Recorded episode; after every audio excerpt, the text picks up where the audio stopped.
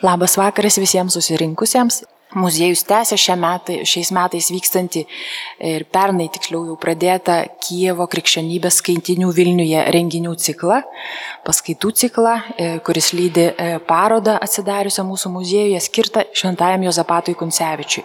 Ir šį vakarą noriu Jums pristatyti dr. Mintautą Čiurinską, kuris papasakos Jums apie pirmąjį Šventojo Jozapato Kuncevičiaus gyvenimo aprašymą, kurį pats iš lotynų kalbos ir yra jau išvertęs Tai labai džiugu, sveikiname daktarą Mintautą ir prašom žodis jums.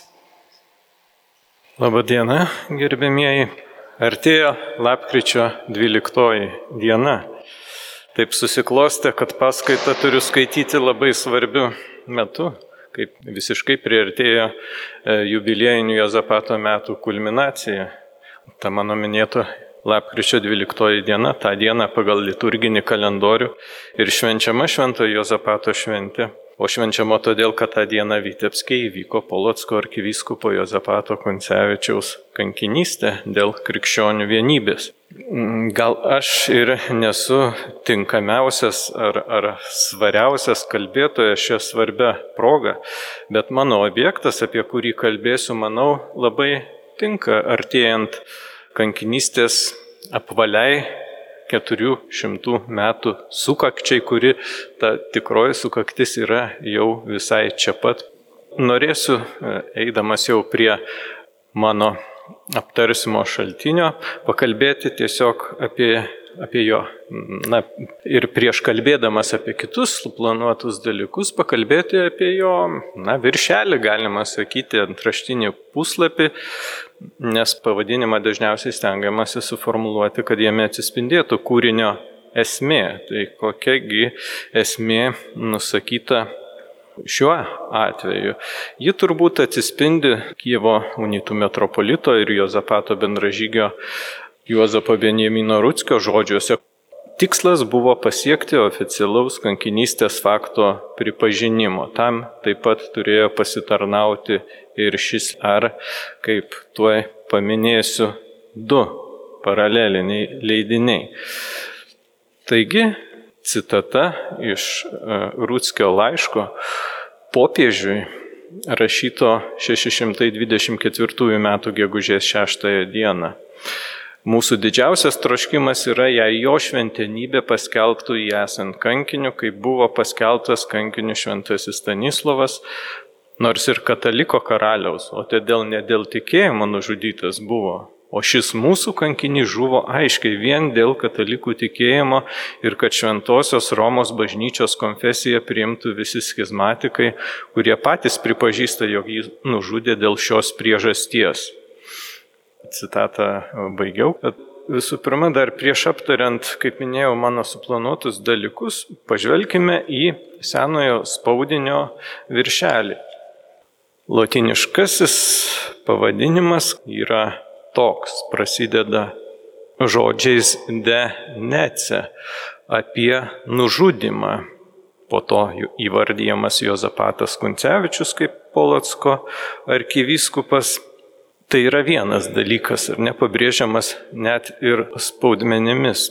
Ir po to, na, nužudimo diena paminėta, tai štai irgi 12 diena, novembris, tai yra lapkričio 12 diena.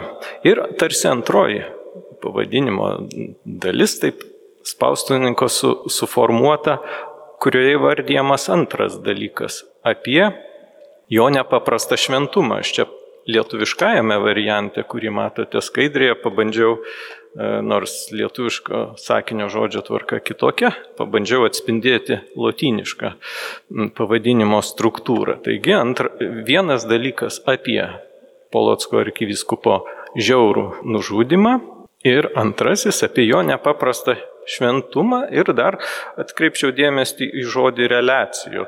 Tai irgi toks problemų verčiant keliantis žodis, nes galima versti pranešimas ar pasakojimas, bet galima net būtų ir palikti relaciją, tokį lotinišką ar tarptautinį žodį. nes lietuviškai atitikmenis pasakojimas ar pranešimas visiškai to relacijo neperteikiama. Bet svarbiausia, vis dėlto čia palikau pranešimas, nes, nes tai yra žinia, perduodama žinia, kad buvo vyskupas pasižymėjęs savo gyvenimus šventumu ir jis buvęs nužudytas. Ir būtent tų kankinystės dienos lapkričio 12 dienos įvykių aprašymui ir skirta yra be net trečioji viso teksto, kurie dar aptarsime dalis. Tas įvykis, apie kurį pranešama ir yra kankinystės įvykis. Čia, čia yra esmė. Tai, kas įvyko lapkritį 12 dieną Vitebske, nes nuo šios 623 metų dienos pasibaigė žemiškasis arkivyskupo Jozapato gyvenimas, prasidėjo jo dangiškasis ir jo kaip šventojo gerbimas, dabar jau pripažintas visuotinėje katalikų bažnyčioje. Einant toliau prie mano aptarimo detalesnio šitos lotiniškosios knygelės, reikia paminėti, kad buvo ne ji viena.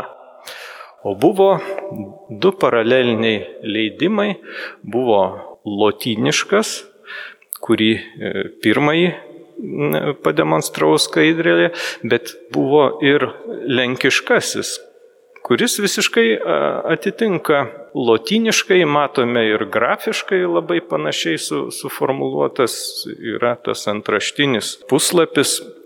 Detaliai aš šių dviejų leidimų nelyginsiu, nes tai užtruktų, bet paminėsiu iš karto didžiausius skirtumus ir daugiau apie lenkiškai tiesiog šią progą šią dieną nekalbėsiu, nors, nors jų reikšmė Net jeigu ir yra skirtinga auditorija, į kurią jie nukreipti, yra abiejų labai didelė.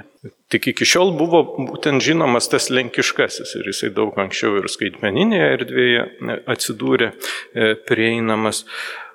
O dabar paminėsiu tik didžiausius skirtumus, lyginant lenkiškąją relaciją ir latiniškąją relacijo jie, tie skirtumai yra ne pačiame tekste, ne raiškoje, nors raiškoje be abejo taip pat daug tų skirtumų, bet leidinio pradžioje ir pabaigoje. Tai yra dalyse, kurias Morochovskis suformavo savo nuožiūrą.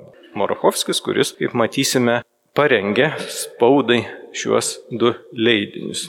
Lenkiškoji relacija neturi ne tik dedikacijos popiežiui savo pradžioje, tai būtų lyg ir suprantama, popiežiui yra dedikuojamas latiniškasis spaudinys. Bet ir dar mano minėsimos įžangėlės skaitytojui adlektoriam pradžioje.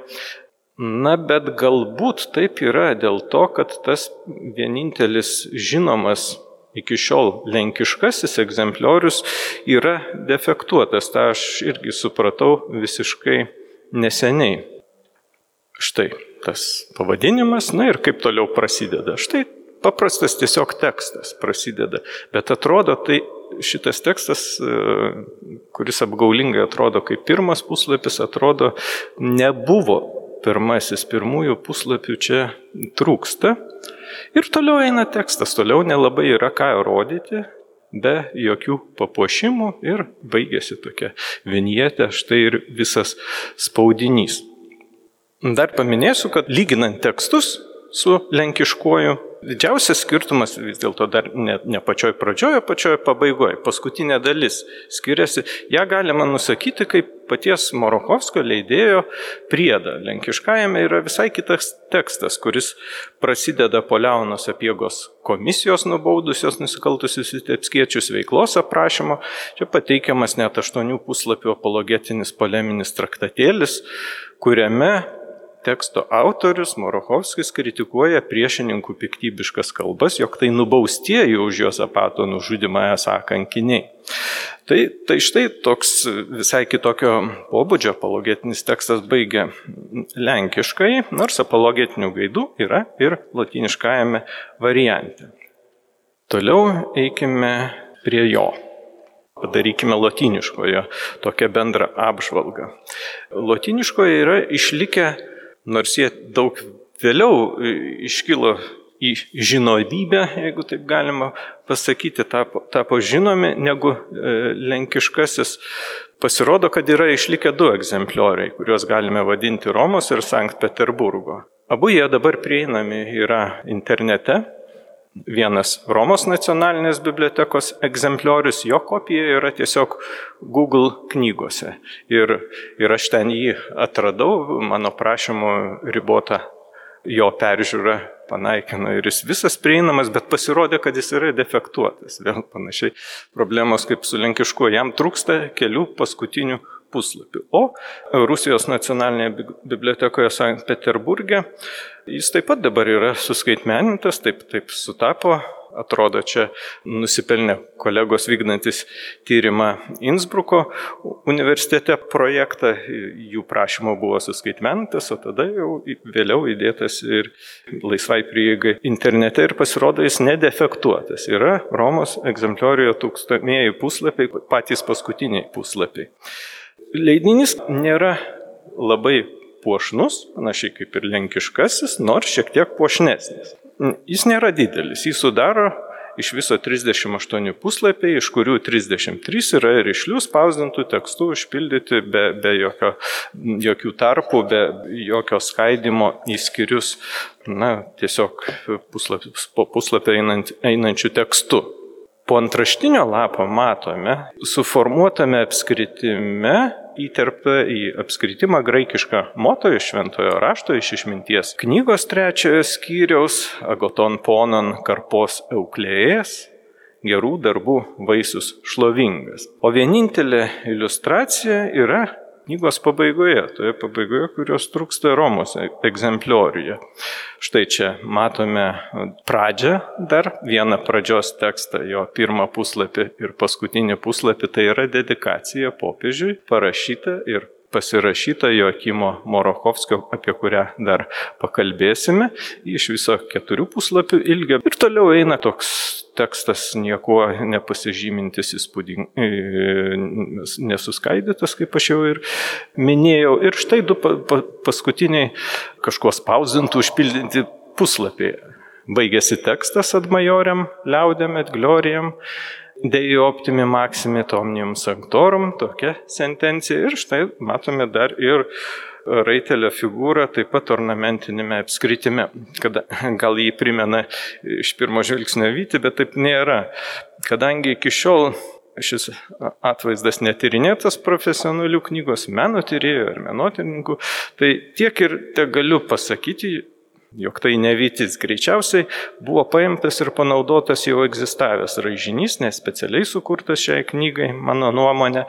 Raitelio skyde matomos trys sukryžiuotos jėtis yra Zamoiskių giminės herbas. Yra vaizdi heraldinė sąsaja su tuo mečiu Zamostės miesto savininku Tomu Zamoiskiu, kuris buvo Kijevo vaivada ir galimai paremė knygų leidimą Zamostės akademijos spaustuvėje, nes būtent Zamostėje abu leidiniai, ir lenkiškasis, ir lotiniškasis, ir buvo atspausdinti 1624 metais.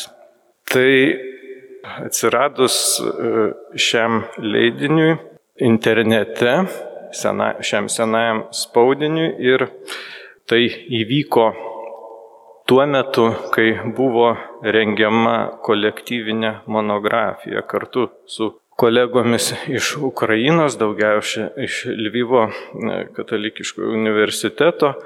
Ta monografija Kultūrų kryškelė Vilniaus švenčiausiasis trybės šventovė ir vienuolynas, rengdamas savo tekstą šiai monografijai, na, paskubėjau publikuoti pirmąją ištrauką iš lotyniškojo teksto. Iki tol jisai buvo mokslininkams nežinomas ir, ir nenaudotas. Belieka pridurti, kad šitą labai įdomią ir kiekvienam Vilniečiui aktualią monografiją galima iki šiol įsigyti. Jos PDF formatu kopija visiškai nedaug kainuoja Vilniaus universiteto leidyklos puslapį.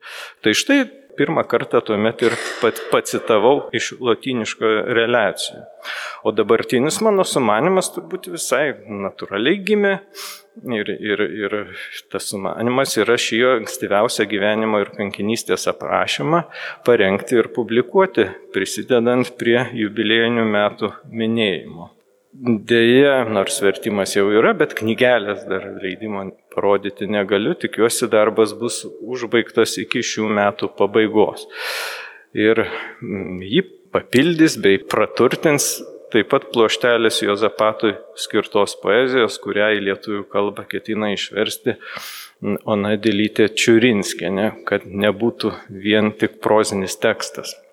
Taigi, mūsų aptariamas leidinys, tiksliau šie du paraleliniai leidiniai leidžia konstatuoti, kad Jozapatui Kuncevičiui skirtų hagiografinių tekstų istorija prasidėjo netrukus po jo kankinystės 623 m. lapkričio 12 d.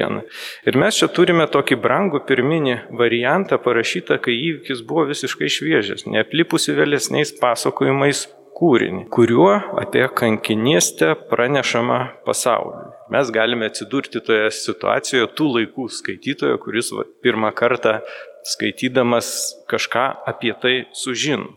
Ir, ir šis veikalėlis turėjo kalbėti ir, ir kalbą skelbė pasauliu apie esmę, ką turėtų tas anų laikų skaitytojas, na ir mes žinoti apie Kuncevičių, apie jo gyvenimą, tokį gyvenimą ir tokiuose aplinkybėse, na, kuris atvedė į kankinystę, įvykį tiesiog negirdėta tais laikais, todėl taip nuskambėjusi, kai dėl savo veiklos nepaklusnių ganomųjų stačiatikių, tiesiog nenorinčių burtis į unijinę bažnyčią, yra nužudomas, kad nei kvieštų juos tai daryti, nei vestų, nei kitaip paveiktų. Įvykis iš ties išskirtinis, bet jis atrodo netoks nepaprastas, kaip paskaitome ir toje pačioje knygelėje popiežiui, yra lotiniškojo relacijoje, visam pasauliui pateiktus kitus pavyzdžius. Nedaug truko, pavyzdžiui, kad kankiniu už savo tikėjimo kelią būtų tapęs Rutskio pirmtakas unitų Kyjevo metropolitas Ipatijus Pociejus, kuriam užpolikas Vilniaus rotušės aikštėje norėjo tiesioginę prasme nukirsti galvą, bet tik sužeidė kaklą ir prisidengdamas ranką metropolitas neteko kelių pirštų. Pateikta ir kitų pavyzdžių, kaip visų pirma kazokų kontroliuojamose srityse, arba su jais susidūrus buvo nužudytas ne vienas unijai ištikimas vienuolis ir kunigas. O toliau e, eisiu kalbėdamas prie šio kūrinio autoristės, kasgi jį parašė. Kūrinio autoristės klausimas iki šiol susilaukia prieštaringų nuomonių. Smulkiai jų čia nepateiksiu ir ne, nesvarstysiu argumentų visų išsakomų, bet noriu paminėti, kad atidus teksto skaitimas ir tyrimas sako, kad lotiniškojo relacijos spaudinio pagrindą sudaro Kyivo metropolito Juozapo Benjamino Rutskio vardu į Romą nusiųstas tekstas, kuris yra nekarta publikuotas dokumentų rinkiniuose, parengtuose ir išleistuose Romoje visų pirma Atanazijaus Velykį. Viena iš tokių publikacijų ir matote jos viršelį, tai yra Juozapo Benjamino Rutskio tiesiog na, laiškų raštų rinkinys. Jame taip taip pat, nors ne, ne vienintelį kartą publikuotas šis tekstas.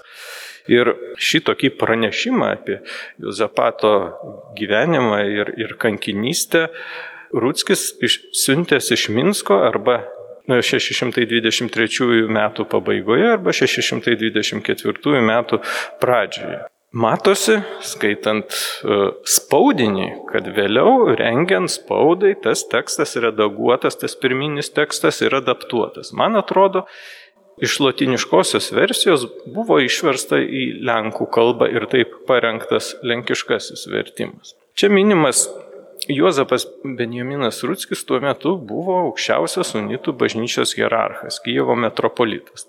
Tai naujosios unitų bažnyčios kartos atstovas tos kartos, kuri unijos sudarimo metu 1596 metais įvykiuose dar tiesiogiai nedalyvavo, buvo dar labai jauni arba tik vaikai. Ir jis tapo metropolitu po mano minėto Ipatijaus pocėjaus mirties 1613 metais. Kodėl galime kalbėti apie jį, na, koks dar papildomas argumentas mums leidžia kalbėti apie Rutskį, bent jau kaip apie pirminio teksto pasiūsto į Romą autorių. Tuo, kaip matote iš skaidrėje esančios citatos, ne, nebejojo pats šaltinių leidėjas Atanazijus Velykiai, bet yra ir daugiau argumentų. Visų pirma, paties unitų metropolito ir Utskio liudijimas. Jį randame prie 1628 metų betifikacijos proceso aktų pridėtame atskirame rašytinėme Rutskio liudyjime. Šiame tekste jis sakosi nekartosias, ką jis pats buvo parašęs pirmajame savo pranešime iš karto po Jozapato žūties. Taip pat paminė, jog tai buvo išspausdinta ir mūsų Vladimiro vyskupo, tai yra Joakimo Morochovskio, dedikuota tuometiniam popiežiui. Taigi, aiškiai sako, kad pats parašęs pirmajame pranešime, duodamas priesaiką patvirtintus parodymus, Rutskis prisima Romą pasiekusio ir į proceso dokumentus įtraukto teksto autorystę. O Morochovskis čia nurodytas kaip jį publikavęs. Tuos Rūtskio ir amžininkų liudį ir kitus amžininkų liudijimus, kurių, kurių dar yra, paremė ir na, aplinkybės, kurios nelaikytinos tiesioginiais įrodymais. Tai Rūtskio išsilavinimas ir artima ilgalaikė pažinti su Koncevičiumi. Juk ne veltui ir dabar surinktoje parodoje Romoje, kurią kuravo buvusi bažnytinio paveldo muziejaus vadovė Sigita Maslauskaitė Mažilienė, viena iš šešių parodos dalių, kiek aš supratau, yra skirta būtent Rutskiui. Gilų asmeninį ryšį, gilius jausmus, sielvartą ir viltį, net džiaugsmą, bet visų pirma, artimą draugystę liudija ir paties Rutskio žodžiai viename iš jo laiškų į Romą. Ši citata dar turbūt nėra nuskambėjusi, specialiai ją išverčiau šiai paskaitai. Taigi nors dėl tokio didžio žmogaus, kūnų išplėšto iš mūsų netekties, buvo kilęs visuotinis sielvartas, Tačiau čia pat yra ir proga didžiam džiaugsmui. Tai jo šlovinga kankinystė, kurią pasitiko narse širdimi. Dėl to esame tikri, kad bažnyčios naudai dar daugiau nuveiks danguje, negu galėjo nuveikti žemėje.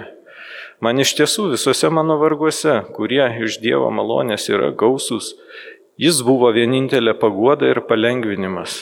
Todėl dabar tarsi purplelis, čia įvaizdis iš antikos literatūrinių tekstų poezijos, netekęs draugo, aimanuoju šiame savo vargų kelyje, laukdamas valandos, kurią mane patrauks paskui save.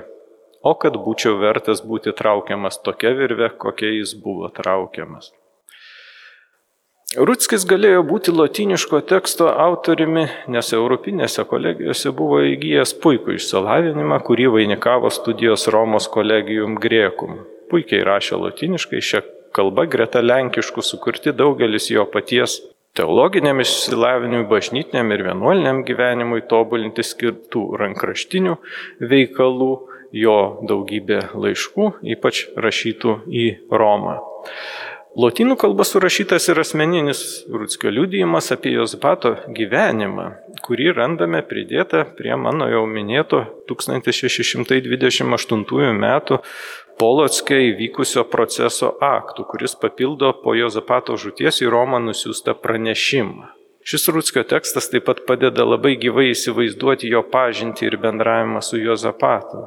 Sužinome, kad jiedu susipažino ir dažnai bendravo dar tuo met, kai Rutskis buvo grįžęs iš savo mokslų Romoje į Vilnių, o tai įvyko 1603 metais, kai dar Rutskis buvo pasaulietis, o Jozapatas, nors būdamas jaunesnis, kaip pats Rutskis nurodo, dviem metais anksčiau už jį, tai yra 1604 įstojo į vienuolyną. Jau tuomet jie Vos ne kasdien susitikdavo pasikalbėti dvasinėmis temomis. Vėliau Jozapatas buvo vienas iš svarbių Rutskio bendraminčių ir bendradarbių stiprinant unitų bažnyčią, reformuojant vienuolyje ir ūkdant jaunąją vienuolių kartą, ypač po to, kai lemtingaisiais 1609 metais Rutskis tapo šio vienuolyno vyresniuoju arkimandritu, o Jozapatas gavo kunigo šventimus ir buvo paskirtas naujokino vyresniuoju. Galų gale Juozapatas pakeitė Rutskį vienuolino arkimandrito pareigose, kai šis tapo Kijevo unitų metropolitu 1613 metais. Taigi jų abiejų gyvenimai ir veikla buvo labai artimai susiję ir ypač Vilniaus laikotarpiu. Iki pat Jozapato nominacijos Polocko arkivyskupo iš pradžių koadjutoriumi 1617 metais. O apie tą nominaciją Rutskis taip pat pateikė jaudinantį liudijimą, nes pats šią nominaciją ir išrūpino iš karaliaus ir pats įteikė tai skelbiančią privilegiją ten. Irgi labai įdomu sužinoti Šventojo Zapato reakciją į paskirimą praktiškai vyskupų. Toliau eikime prie kito asmens minimo kaip šio relacijo teksto autoriaus. Tai Joakimas Morochovskis. Jis taip pat turėjo puikų išsilavinimą. Veikalų apie Jozapatą rengimo metu jis buvo svarbios unitų Vladimiro ir Brastos viskupijos vyskupas. Taip pasirašius jį matome čia ir dedikacijos pabaigoje, latiniškos spaudinio dedikacijos popiežiui pabaigoje. O vyskupu tapo jis tuo pat metu, kai Rūtskis tapo Kijevo metropolitu 613-614 metais. Taip pat Marochovskis buvo ir vienas iš karaliaus Zigmanto Vazo sekretorių. Jis jau buvo pasižymėjęs kaip religinis polemistas, rašytojas. Taip pat jis buvo ir hagiografas. Labai įdomu, e, irgi niekas nėra lyg ir pastebėjęs, kad Jozapato kankinystės metais jis iš graikų kalbos į lenkų kalbą išvertė ir išleido Konstantinopolio patriarcho ir rytų ir vakarų bažnyčioje gerbiamo šventojo Ignatijaus 9 amžiaus šventojo gyvenimą. Ir išleido jį būtent Zamostėje 1623 metais. Tai, kad ši hagiografinė knygelė išleista Zamostėje, rodo Marochovskio ryšių su šiuo miestu ir spaustuvė patvirtina, kad būtent jis rūpinosi pirmaisiais dviem Jozapatui skirtais spaudiniais. Manoma, kad su svarbiaisiais unijos iniciatoriais viskupais Ipatijumi Pociejumi ir Kilirilu Terleckiu jaunas Morochovskis atvyko į Romą dar prieš uniją 1595 metais su ta garsiaja delegacija, kuri derino unijos punktus Romoje o po to jis ten pasiliko mokytis. Nuo 1596 metų jis buvo priimtas į Graikų kolegiją, tapdamas pirmoji jos mokiniu iš abiejų tautų respublikos. Filosofiją ir teologiją jis ten studijavo net septynerius metus ir tik vėliau 1599 metais kolegijoje prie jo prisijungė Juozapas Benjaminas Rutskis. Rutskis ir Morochovskis po studijų kartu sugrįžo į tevinę 1603 metais. Tad turėjo būti iš ties artimi bendramoksliai, metropolitas Ipatijus Potėjus vertino Morochovskio pasiruošimą ir buvo priėmęs į tarnybą pas save savo sekretoriumi. Iš šių faktų akivaizdu, kad abu spaudinių, ypač tai pasakytina apie latiniškai, bendra autoriai, juose kaip po tokie matėme antraštiniuose puslapiuose niekur neįvardyti, Rutskis ir Morochovskis Buvo panašaus ir labai gero romietiško išsilavinimo, be kitoko taip pat gerai valdė ir lotynų kalbą, be kurios tais laikais studijos nebuvo įsivaizduojamos. Jie buvo gerai vertinti bei keliami pareigose to paties metropolito Ipacijaus Pociejaus, galiausiai Rutski paskyrusio savo įpėdiniu. Matyti ir po Pociejaus mirties naujojo metropolito Rutskio ir naujojo Vladimiro ir Brastos vyskupo Morochovskio bendradarbiavimas išliko glaudus ir sklandus, o bendras jų darbas Jozapato kankinystės atveju, po jos rengiant reikiamus spaudinius ir nesivaržant dėl autorystės garbės, tai patvirtina. Minėjome ir, kad Joakimas Morochovskis neprisistato kaip 624 metų kūrinio autorius nei lenkiškos, nei latiniškos knygelės titulinėse puslapiuose. Tačiau dedikacija, kurios pirmą ir paskutinį puslapius jūs matote skaidrėje, tarsi leistų taip manyti. Šiame dedikacinėme tekste jis suformuoluoja tai, ką galėtume pavadinti oficialia autoristės versija. Iš esmės, jis pasako tą patį, ką neseniai, palyginus neseniai, istorikas Tomašas Kempa, publikavęs Morochovskio laišką Leonui Sapiegui, irgi cituoja, bet toje citatoje tik kitais žodžiais, abstrakčiau ir retoriškai demonstruodamas kuklumą, nepasakydamas tiesiai, kad pats parašė, kalba Morochovskis, bet akcentuodamas išspausdinimą, ar ne? Vyresniųjų raginamas nepabijojo šios tokios nelemtos tragedijos eigą, patikimai papasakota, tai nesako, kad, kad mano aprašyta ar panašiai, patikimai papasakota ir raštu išdėstyta, bei paskelbta šiame veikale, išspausdintas, dedikuoti jūsų šventenybei. Tai, tai taip retoriškai labai aptakiai pasakyta. O išsilavinimo e, tikrai užteko abiems ir Morochovskijui, ir Rutskiui. Tačiau įdomu, kad šis spaudinys yra vienintelis lotynų kalba spaudinys sėtina su Morochovskio atmeniu. Taigi man atrodo, jog lotiniškai tekstą apie Jozapatą sudarantį ir knygelės pagrindą parengė ir į Romą kuo skubiau, kad žinia apie įvykį pasiektų kardinolų kolegiją de propaganda fide ir popiežių parengė ir išsiuntė Rutskis, o po jo ir jo pavedimu tekstą suredagavo ir popiežiui dedikavęs išspausdinti pasirūpino jo, kaip matėme, studijų draugas Morochovskis. Rutskis šiame kontekste neminimas, bet jo vardas turbūt slypi po šitą diplomatinę Morochovskio įžanginio teksto frazę, kad jis tai padaręs vyresnybės nurodymų, nes vyresnysis hierarchijoje buvo tik tai metropolitas Rutskis. Dabar eikime prie lotiniškojo relacijos spaudinio turinio. Tarkime, kas, apie kągi ten rašoma. Jau užsiminiau, veikalą pradeda keturių puslapių dedikacija popiežiui.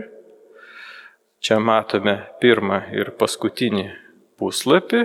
Ji rašyta 624 metų, gegužės 20 dieną e, yra datacija dedikacinėme šiame laiške tekste. Likęs tekstas yra, kaip minėjau, irgi praktiškai vientisas be jokio skaidimo į kokius nors skyrius ir tęsiasi likusius 28 puslapius. Tačiau įsiskaičius į jį, bendras planas, sumanimas tampa gana aiškus. Gal tik tai galima dar išskirti tą įžangėlę tokią labai sunkiai išsiskiriančią grafiškai skaitytojui, tokia sakytume, ad lektoriam. Na, jį nepilną puslapį užima ir toliau tekstas pasakojimas apie Jozapatą ir prasideda didesniais spaudmenimis Jozapato Koncevičius vardu Jozapat Koncevičius archiepiskopus poliocensis ir taip toliau. Ir atvir, abadolescencija suva ir taip toliau. Šią, šią pradžią aš dar pacituosiu jos lietuviškai vertimą. Na ir e, koksgi tas bendrasis planas, kurį e, galime uh, išskirti. Tokios trys didžiausios pasakojimo dalis. Pirmoji yra tarsi, aš čia Vita pavadinau, tai yra pasakojimas apie gyvenimą iki kankinystės, toliau kankinystės Vitebskė aprašymas ir atkreipkim dėmesį, jų apimtis yra apytikrai panaši, tokia pati. Dešimt puslapių apie gyvenimą iki kankinystės, dešimt puslapių skirta kankinystės aprašymą ir likusieji. Tai toks vėl kaip aš vadinu, Morochovskio priedas. Ten yra įvairių dalykų, taip pat ir na, tų, kurio galėtų būti stebuklinio skyriaus, mirakulio atitikmo, bet ir kai kurių apologetinių minčių. Dabar pažiūrėkime į kiekvienos iš trijų dalių turinį smulkiau. Bet apskritai matome, kad, kad tekstas vis dėlto koreliuoja su įprasta hagiografinėms biografijoms struktūra, daugiau ar mažiau. Na ir ta pirmoji dalis, pirmieji dešimt puslapių gyvenimas iki kankinystės. Aišku, pradedame nuo Vilniaus laikotarpio, bet pastebime, pavyzdžiui, jeigu žiūrėsime skirtumą nuo kitų papildomų, išsamesniųjų, vėlesniųjų mm, geografinių gyvenimo aprašymų, čia nėra vaikystės pasakojama, nes turbūt kai esmė yra pranešti apie kankinystės įvykį, nėra svarbiausias dalykas papasakoti apie kankinio vaikystę, nuo, nuo kūdikystės. Tai, tai šitas pasakojimas vėliau bus papildytas geografinėje tradicijoje. Pradedama nuo paauglio gyvenimo Vilniuje, čia jam uoliai lankant švenčiausiosios trejybės bažnyčią. Po to vienuolio kelias nuo naujoko, o įstojo vienuolius, kaip minėta, 604 metais, iš pradžių diakonas, tarnauja kaip diakonas, vėliau jau tampa ir pasiekia ir vienuolyno vyresniojo padėtį. Ir kokia apskritai buvo padėtis vienuolyne, kaip jis prisidėjo gaivindamas prie švenčiausios trybės bažnyčios esanti e, vienuolyną, jo parodytos darybės, gabumai, būdas, askezės, praktikos. Sakoma, kad jis pasižymėjęs didžiai pagirtinais papročiais ir gyvenimu. Po Vilniaus laikotarpio keli puslapiai skiriami jau viskupavimo laikotarpiu, Polotsko laikotarpiu, kaip po penkiolikos tokios vienuolystės metų jis paskiriamas ganytojų į, kaip sakoma, apleistą Polotsko arkiviskupiją. Ir aptariama nelabai išsamei, gana glaustai, visa pusė jo veikla, palenkiant ganomosios junijos pusę, vizituojant, atnaujinant bažnyčias, atsijimant e, teismo keliu nusavintas bažnyčios žemės ir kitą nuosavybę, taip pat nu, reformuojant ir dvasininkus. Na, o baigėsi šitas epizodas 620 metų Melecijaus Smotrickio tokiu įsitirpimu į visą istoriją e, jo raginimu, kai buvo tais metais atkurta stačiatikių hierarchija, Smotrickis buvo išventintas, na, taip sakant, oponuojančių stačiatikių Polotsko vyskupų ir jo raginimu į schizmą vėl atkritę ganomieji Polotskė ir aprašoma ryštinga arkivyskupo Jozapato veikla siekiant ganomuosius susigražinti Taip pat Vitepsko liaudės kurs, kurstomos to pseudo vyskupos Motrickio priešiškumas unijai, kurio to priešiškumo įveikti nepavyksta. Toliau antroji dalis, kurioje taip pat dešimtyje puslapio aprašoma kankinystė Vitebske.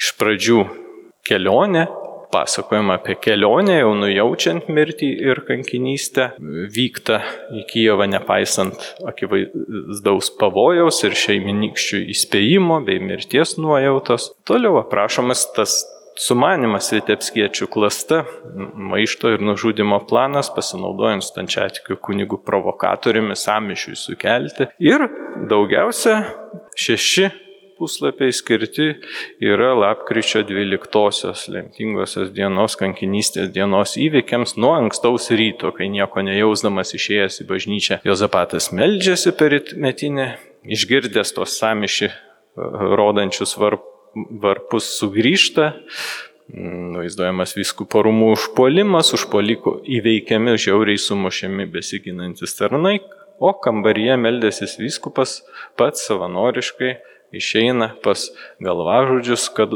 prašydamas, kad būtų pasigailėta tų visaip mušamų, žudomų šeiminykščių ir tuomet pats nužudomas, išniekinamas, aprašomas minios siautėjimas ir kūno nuskandinimas. Ir baigiama įvykiais po nužudimo, kai atsitokėję miesto pareigūnai po penkių dienų paieškų šeštąją stebuklingai kylančią šviesos tulpui pasirodžius, randa ir ištraukia šventojo kankinio kūną.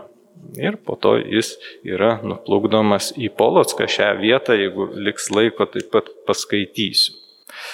Trečioji dalis, jeigu norime įsivaizduoti e, šio spaudinio turinį, tai tas toks e, įvai, gana margas priedas, kurį, manau, pats Marokovskis skelbdamas ir parašė. Čia pasakojami vėl kai kurie įvykiai prieš mirtį, prieš kankinystę, kad iš Polosko išvykdamas liepė Jozapatas Kuncevičius jam parekti būtent Polotsko katedroje kapą. O kelionėje nuolatos kalbėjo apie mirtį. Mirties metu nuo Polotsko virš Vitepsko matoma šviesos stulpas liudininkai taip liudyja. Na ir kas vyko po mirties, pridedama irgi tokie, na, ypatingi stebuklams prilykstantis įvykiai. Žūties vietoje iškritusi skrinę, kurioje buvo na, naktys tiesiog slepiant nuo tų maištininkų nešami liturginiai indai ir jie toje suvilgytoje kankinio Zapato kraujo vietoje išsirikiavę ta tvarka, kaip ant altoriaus liturgijos metu dar pridedama apie dviejų metų kūdikio pranašystę išsakyta ir tiesiog gavęs laiškų informaciją, Markovskis dar referuoja apie na, pirmąjį stebuklą, prašant Juozapato užtarimo ir atgaunant sveikatą, kai sudėtingo gimdymo metu pavojui gyvybei kėlęs gimdymas Vitebsko pilies teismo raštininko žmonai baigėsi laimingai, kančios visiškai e, pranyko. Na, o toliau dar pridėtas apologinis tekstas užbėgant už akių. Jau aš irgi esu užsiminęs priešininkų kaltinusi patį Juozapatą šmeištams. Rašoma, kaip pasipiknęs karalius ir senatoriai po sužinioję apie nužudimą Varšuvoje sudaro komisiją piktadariams nubausti pagal įstatymą. Leonos apiegos vadovaujama komisija savo darbo pabaigoje Vitebske ištyrusi reikalą paskiria e, griežtas bausmes. Dar tokie rodantis schizmatikų žiaurumą trys pavyzdžiai pateikiami, kai buvo nužudyti unitai įterpiama tokia malda, prašant juos išmelsti Dievo palankumo, kovojančiai unitų bažnyčiai. Ir e, apologinio pobūdžio tekstu baigėsi visa šita knygelė, latiniškoji relacija. Čia papasakojama kankinystės prieš istorijas epizodai, dar geriau rodantis Jozapato nekaltumą ir iš ankstinį schizmatikų piktavališkumą ir Vitebskė, ir Polotskė. Čia papasakoti du parinkti pavyzdžiai apie skleistas paskalas ir, ir samišis, kuriuos iki lemtingosios lapkričio 12-osios pavykę nuraminti. Kaip minėjau, dabar jau artėdamas prie pabaigos esu parinkęs porą citatų iš pradžios, na ir, ir daugmaž jau e, iš pabai, pasakojimo apie Jozapato Koncevičių pabaigos. Taigi ir paskaitysiu nuo mano rodytos originale vietos, kur Jozapato Koncevičiaus vardu prasideda pasakojimas apie jo gyvenimą. Jozapatas Kuncevičius Polotsko arkivyskupas savo, nuo savo paauglystės, kai dar gyveno kaip pasaulietis, buvo ypač atsidavęs Dievui ir dorai gyvenantis vyras. Nuolatos lankydamasis švenčiausiosios trybės bažnyčioje Vilniuje nepraleisdavo jokių pamaldų, kurios toje bažnyčioje vyko vienuolinių papročių, net rytmetinės, kuri gėdama prieš aušrą.